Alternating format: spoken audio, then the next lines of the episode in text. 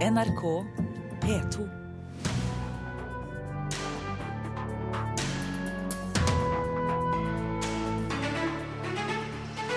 Det er på høy tid å finne en kvinnelig leder av TV 2. Ja, Det mener eh, professor i kompetanseledelse ved BI. Arvtakeren til TV 2-sjef Alf Hildrum kan bli kjent innen kort tid.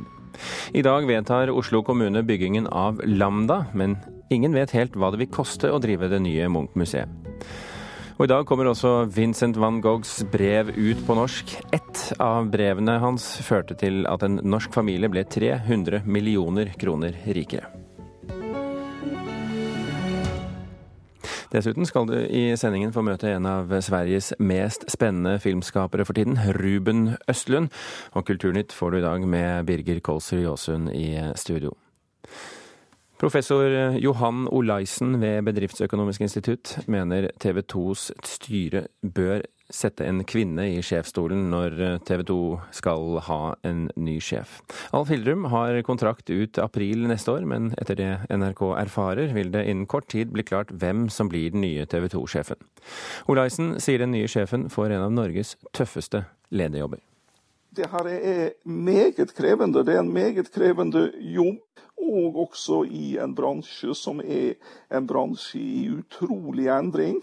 Og der vi har sett store endringer, vil se enda større endringer. Johan Olaisen er professor i kompetanseledelse, og han har studert lederes egenskaper. Han har en klar oppfatning av hvilke faglige kvalifikasjoner TV 2s nye toppsjef må ha. Denne personen har forstand på det som er et godt TV-innhold for ulike kundesegment. For det andre så må personen forstå endringene i det som er TV og mediateknologien, slik at vedkommende ser de nye mulighetene. For det tredje så må vedkommende ha forretningsmessig forståelse. Jeg kan ikke takke alle og gå rundt og takke alle, men takk for den, de åtte årene vi har hatt sammen, og lykke til videre. Dere trenger lykke til mer enn jeg gjør. Ha det godt. Slik hørtes det ut da Kåre Vallebrokk takket for seg i 2007 og Alf Hildrum overtok sjefsstolen i TV 2. Etter det NRK erfarer, blir altså den femte topplederen i kanalens historie kjent om kort tid. Ansvarlig redaktør i bransjebladet Kampanje, Knut Christian Hauger, sier det er flere svært aktuelle kandidater til jobben. Hvis man skal trekke frem noen navn, så er det jo nærliggende å, å, å, å ta for seg TV Norge-sjef Harald Strømme, som har gjort en fantastisk jobb med, med, med TV Norge-kanalene. Uh, I tillegg så sitter det jo også noen gode sjefsemner i, TV 2 selv, som bl.a. Uh, nyhetssjefen Jan Ove Aarsæter og underholdningssjefen Trond Kvernstrøm. Uh, Egmont har også, eieren av TV 2, har jo også sterke navn hos seg. og Her har det vært spekulert i, i norgessjefen Olav Sandnes som en mulig kandidat. Harald Strømme og Trond Kvernstrøm avviser begge overfor NRK at de er aktuelle. Jan Ove Aarsæter vil ikke kommentere saken. Siden kongeparet åpnet TV 2 på denne måten i 1992 På vegne av dronningen og meg selv erklærer jeg herved TV 2 for åpnet. har kanalen hatt fire mannlige sjefer. Nå er det på høy tid med en kvinne, mener Johan Olaisen. Absolutt. En kvinnelig toppleder vil også kanskje gi en, en ny måte å tenke på, en ny måte å jobbe på. Det er på høy tid å finne en kvinnelig leder av TV 2. Knut Kristian Hauger i Kampanje tror styret kan være på jakt etter en kvinne, men mener ingen navn peker seg ut. Jeg ser jo noen har trukket frem Kristin Skogen Lund og, og, og, i en sånn setning. Men, men er, så langt så en, har, vi ikke et godt kvinnelig navn som er i dette hit. TV 2s styreleder Hans Karstensen hadde ikke tid til å kommentere denne saken overfor oss i dag. Reporter her det var Une Marvik Hagen. Den tidligere Washington Post-redaktøren Ben Bradley er død, 93 år gammel. Bradley var redaktør fra 1968 til 1991 og ble berømt da han ledet avisens dekning av Watergate-skandalen tidlig på 70-tallet. Som førte til at president Richard Nixon etter hvert måtte gå av. Bradley døde av naturlige årsaker i sitt hjem. Ni av ti norske kirker mangler automatisk brannslukningsanlegg. Det kommer frem i en ny undersøkelse fra Kirkelig arbeidsgiver- og interesseorganisasjon. Det skriver Vårt Land i dag. Med dagens tempo vil ifølge organisasjonen det ta 130 år før alle kirker er brannsikret. Riksantikvaren mener det må en lovendring til dersom brannslukningsanlegg skal komme på plass i de fleste kirker.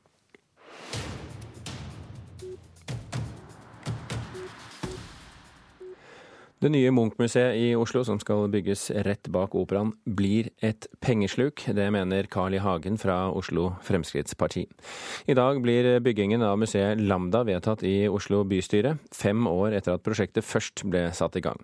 Tidligere i år ble det klart at det vil koste over to milliarder kroner å bygge museet, men fortsatt vet ingen hva det vil koste å drive hovedstadens nyeste Munch-museum.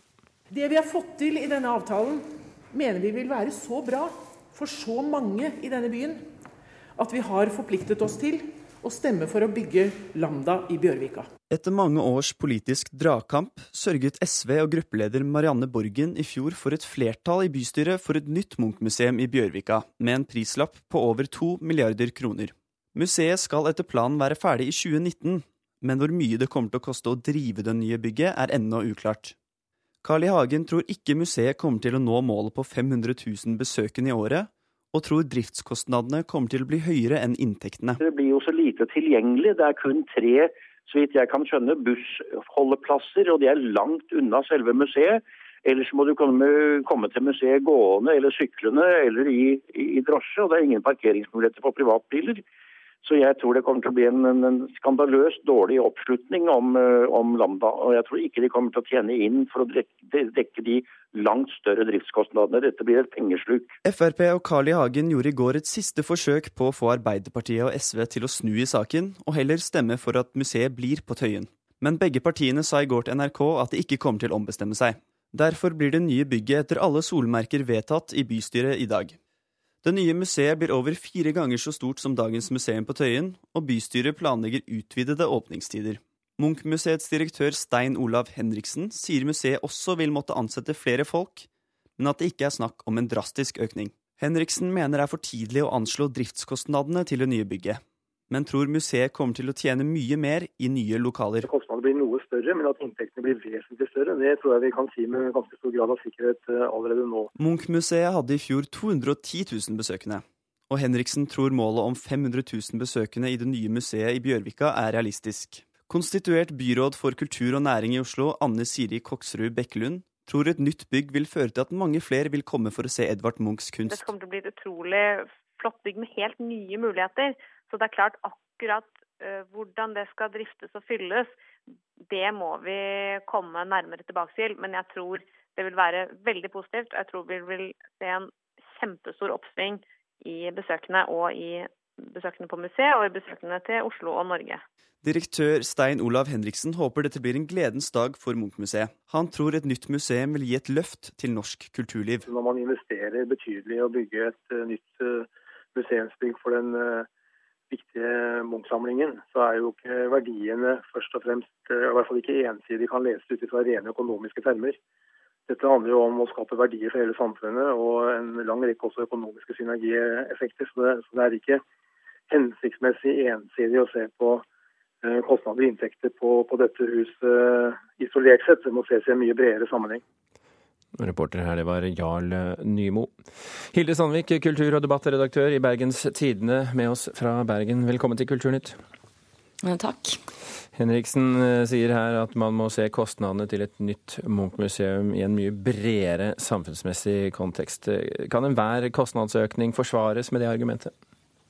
Nei, men akkurat når det gjelder bygging av å få på plass et ordentlig Munch-museum, så en Så tenker jeg at her har eh, Henriksen et veldig godt poeng. Eh, fordi eh, Oslo kommune har altså forvalta en samling, en stor samling av en av verdens viktigste kunstnere i sin tid, men i vår tid.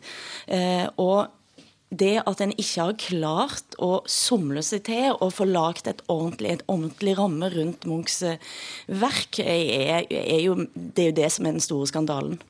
Men Carl I. Hagen hører vi her, er jo bekymret for at Munch-museet skal bli mye dyrere for Oslo kommune å drifte enn de selv regner med. Er det ikke lurt å være litt nøktern her også? Jo, altså det, det, er jo selvsagt et poeng, men, men, men Munch-museet bør ha en veldig mye større inntjening, egeninntjening enn det som en har rom for i dag. Eh, en i tillegg til at besøkstallet vil måtte gå opp, og, og, der tenker jeg at 500 000 altså det høres ut som voldsomt når du tenker på 200 000 i dag, men hvis du sammenligner med andre museer i Norden, så er ikke dette et svimlende høyt besøkstall.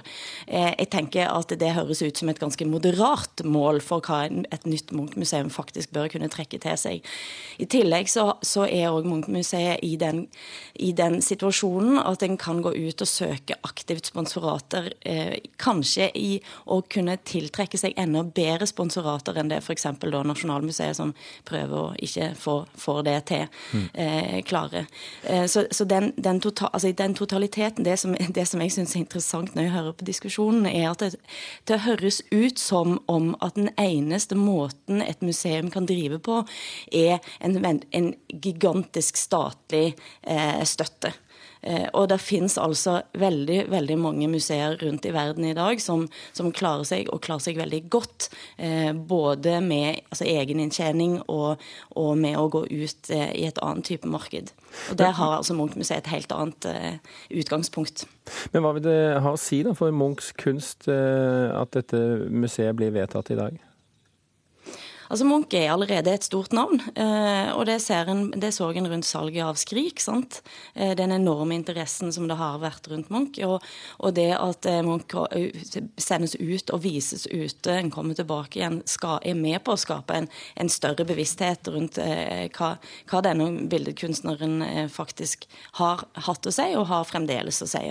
Det, er av de mest, ja, det, altså det er noen av de mest ikoniske verkene vi snakker om her i, i, i kunsthistorien. Du har jo tidligere tatt til orde for at mye av kultursatsingen rent økonomisk foregår i Oslo altfor mye. Hva vil det si for Norge at Lambda kommer opp?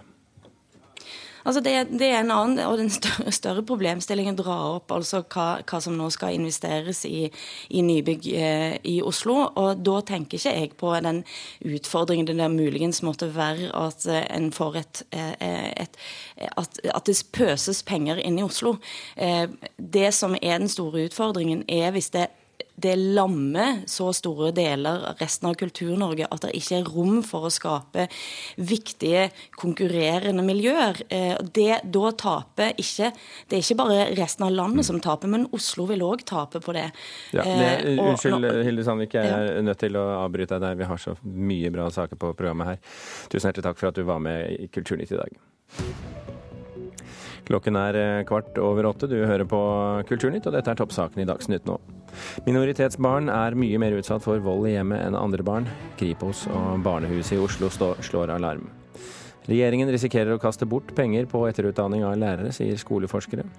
Og henleggelsen av dødsfallet til åtte år gamle Monica Sviglinskaja må få konsekvenser for tjenestemenn i Bergenspolitiet, mener tidligere politietterforsker Finn Abrahamsen. En lavin, eller? Ja, den är kontrollerad. Alltså, det är såna jäkla krafter. Är det safe? Ja, ja, ja. De vet vad de gör. Pappa! Ja, det är ingen fara. Pappa! Harry, Harry, Harry. Det är lugnt. Det är lugnt. Harry!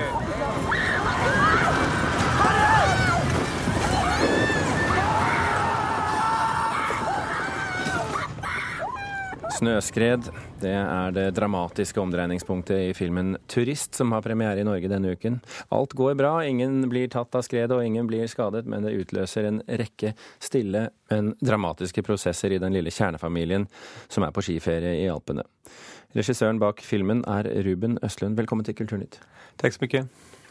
En um, lavine av snø, som vi hørte her, men man kan jo kanskje si det slik at det utløser en lavine i forholdet mellom hovedpersonene også. Um, eller hur? Ja, precis. Um, Thomas är tvungen att komma tillbaka till sin familj då och uh, face det att han har övergett dem när det kanske förväntas att han ska stå upp för dem. Då. For pappa stikker av gårde, det er jo hele poenget her. Mamma beskytter barna. Ja, precis. Hva, det, hva, hva gjør det med, med mamma i forholdet? Eh, ja, jag tror att det gör någonting med båda två egentligen. Eh, det som, när själva idén kom upp och den här mannen är tvungen att komma tillbaka till sin familj så kände, kunde jag genast identifiera mig med den här förväntningen som finns på könen.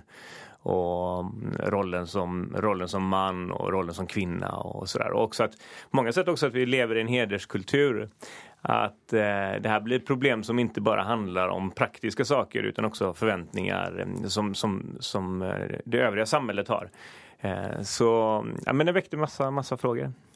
Denne filmen fikk jo juryprisen i et av sideprogrammene under filmfestivalen i Cannes. Den hadde premiere i Sverige i, i august. Eh, den internasjonale tittelen er 'Force majeure', altså eh, noe som sier om hendelser utenfor partenes kontroll. At man blir fri for ansvar. Hvorfor fikk filmen tittelen 'Turist' i Norge Eh, det hadde den i Sverige veldig lenge også, men jeg tror at en av målene med filmen fra begynnelsen var jo liksom å stelle til det for rike skandinaver. Alltså låta människor som är i kontroll över sina liv eh, få handskas lite med mekanismer som vi ofta eh, projicerar på människor i andra delar av världen, i krigszoner eller när man är med i naturkatastrofer. Så man får också en sorts självbild som inte stämmer överens riktigt med vad det är att vara människa. Så fort den där överlevnadsinstinkten slår till och sådär då, då är det ju som att eh, vi är ovana med det. Vi har inte så mycket referenser så ofta så använder vi dem som vi har sett på film. Alltså om man tittar på filmhistorien så er jo mannen som hjälte är väl den bild som vi liksom mest har reproducerat i, i filmhistorien.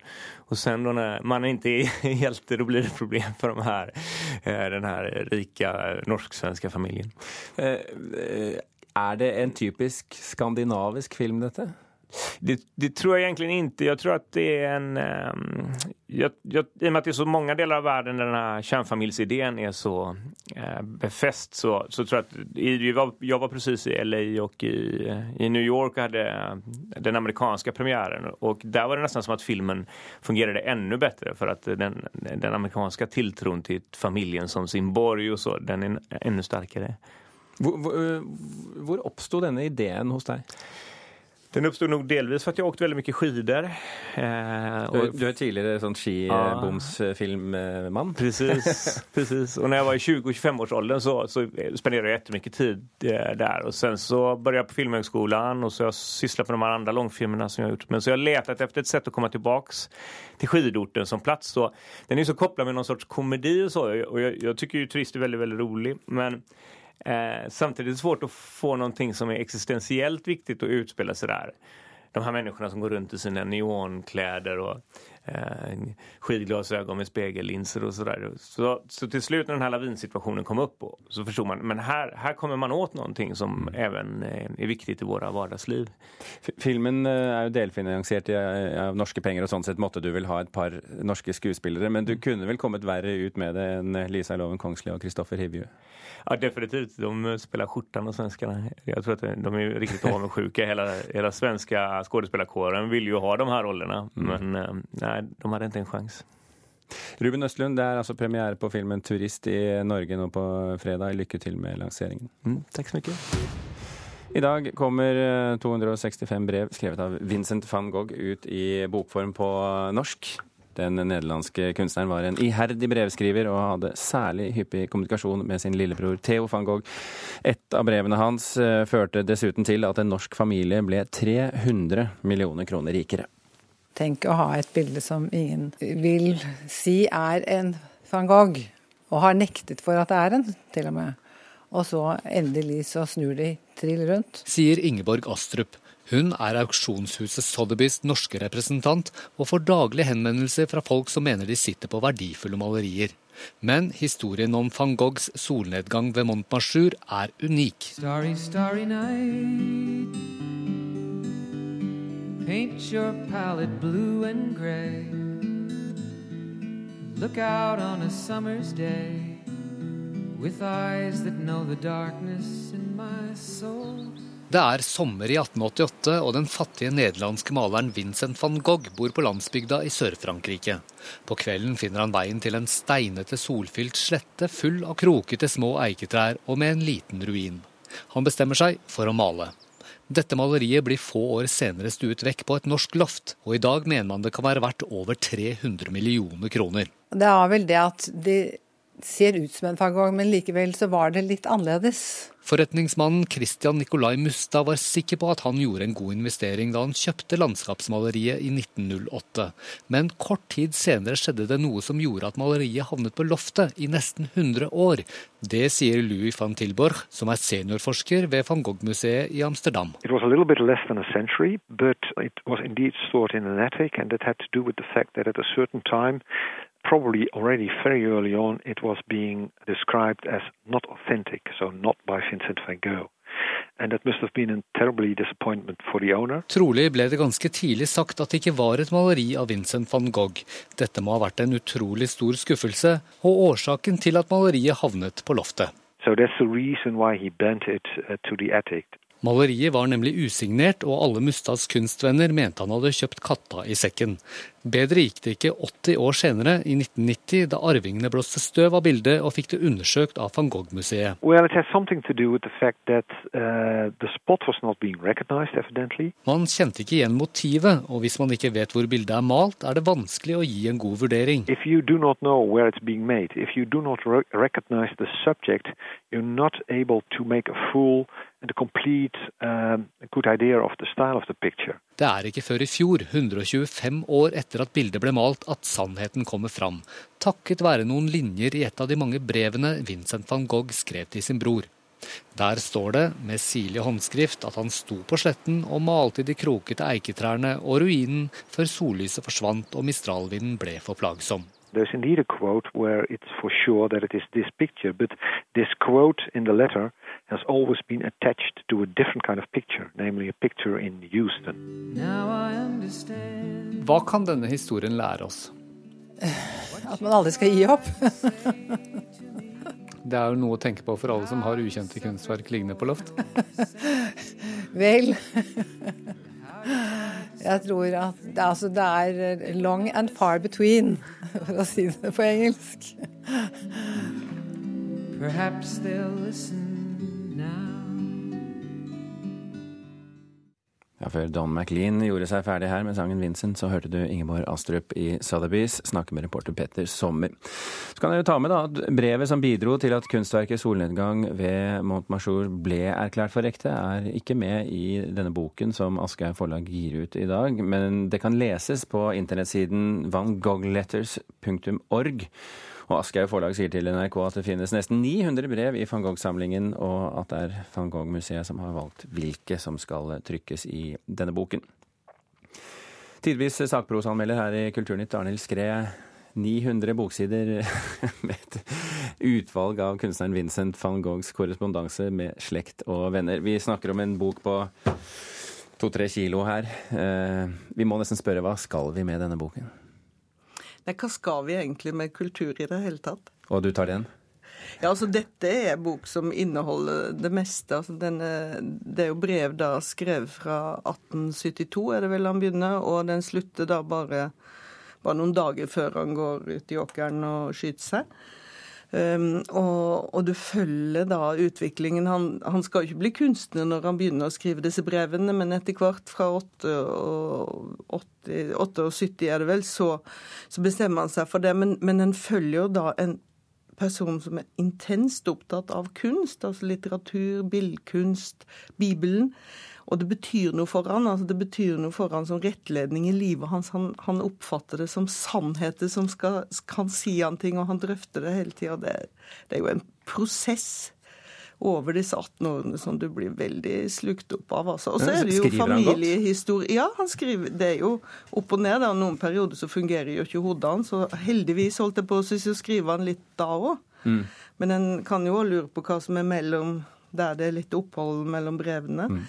Um, han skriver veldig godt, og, og han er en han må ha vært en veldig intens personlighet, og mm. det merker du i brevene. Han har en intens, men det er den derre oppriktige troa på at kunsten betyr noen ting. For, for de som, ikke, som er viktig å få med seg. For de som ikke helt uh, husker uh, hvem som var Monet, Manet og van Gogh, uh, hvem var van Gogh? van Gogh er jo Ja, altså det, han, han, kaller seg i hvert fall et sted for impresjonister sånn, som, i perioden, men han er jo en av de absolutt største i i verdenskunsten. Og, og, og, noe annet ved han er jo det at vi kjenner jo bildene hans. De fleste kjenner solsikkene, kjenner solnedgangen over disse stjernebildene, hans eh, selvportrettene ikke minst, og, dette, og historien kanskje òg, om at han på et tidspunkt i galskap så skjærer han av seg øret og, mm. og går på et bordell og gir det til en av de prostituerte. altså han eh, ja, vi, vi snakker altså om ni... Er fargerike ting. Ja, det tror jeg. Både på den ene og andre måten. Yes. Eh, vi snakker om 900 brev her, altså, og hvor da museet har eh, bestemt at 265 av dem skal gis ut. Hva er det som er kuttet bort? Ja, det veit jo ikke jeg da sjøl, om jeg har prøvd å lese meg litt inn på fangoggsletthus.org, jeg Men jeg vil jo tro at eh, de som har valgt ut dette, det er de samme redaktørene som har gått gjennom hele denne enorme, dette prosjektet med å kommentere van Goghs brev og samle dem, ikke minst, det er jo en jobb, eh, at de har meint at dette er, gir et bilde av utviklingen. Og så er det klart at i en sånn korrespondanse som dette her med familie og venner, så er det mye praktiske ting som ikke nødvendigvis må med. Er det verdt, er det verdt tiden det tar å lese ja, disse sidene? det vil jeg si. Og, og, ikke minst så kan man sitte med registeret og, og lese seg inn f.eks. Jean-Francois Millet anbefaler jeg folk å slå opp. Det er en viktig kunstner her. Ja. Arnhild Skre, tusen hjertelig takk for at du anmeldte eh, Vincent van Gogh og 'Skrive livet', som kommer ut eh, i dag. Kulturnytt eh, er slutt. I dag har vi fortalt at professor Johan Olaisen ved Bedriftsøkonomisk institutt mener TV 2s styre bør sette en kvinne i sjefsstolen når TV-kanalen nå skal ha en ny sjef. Arvtakeren til Alf Hildrum kan bli kjent innen kort tid. Du hørte også Ruben Østlund fortelle at de norske skuespillerne Lisa Loven Kongsli og Kristoffer Hivju spilte skjorta av sine svenske kolleger i filmen 'Turist'. Det var det vi hadde i Kulturnytt i dag. Hanne Lunås, Lars Ivar Nordahl og Birger Kålsrud Aasund takker for følget.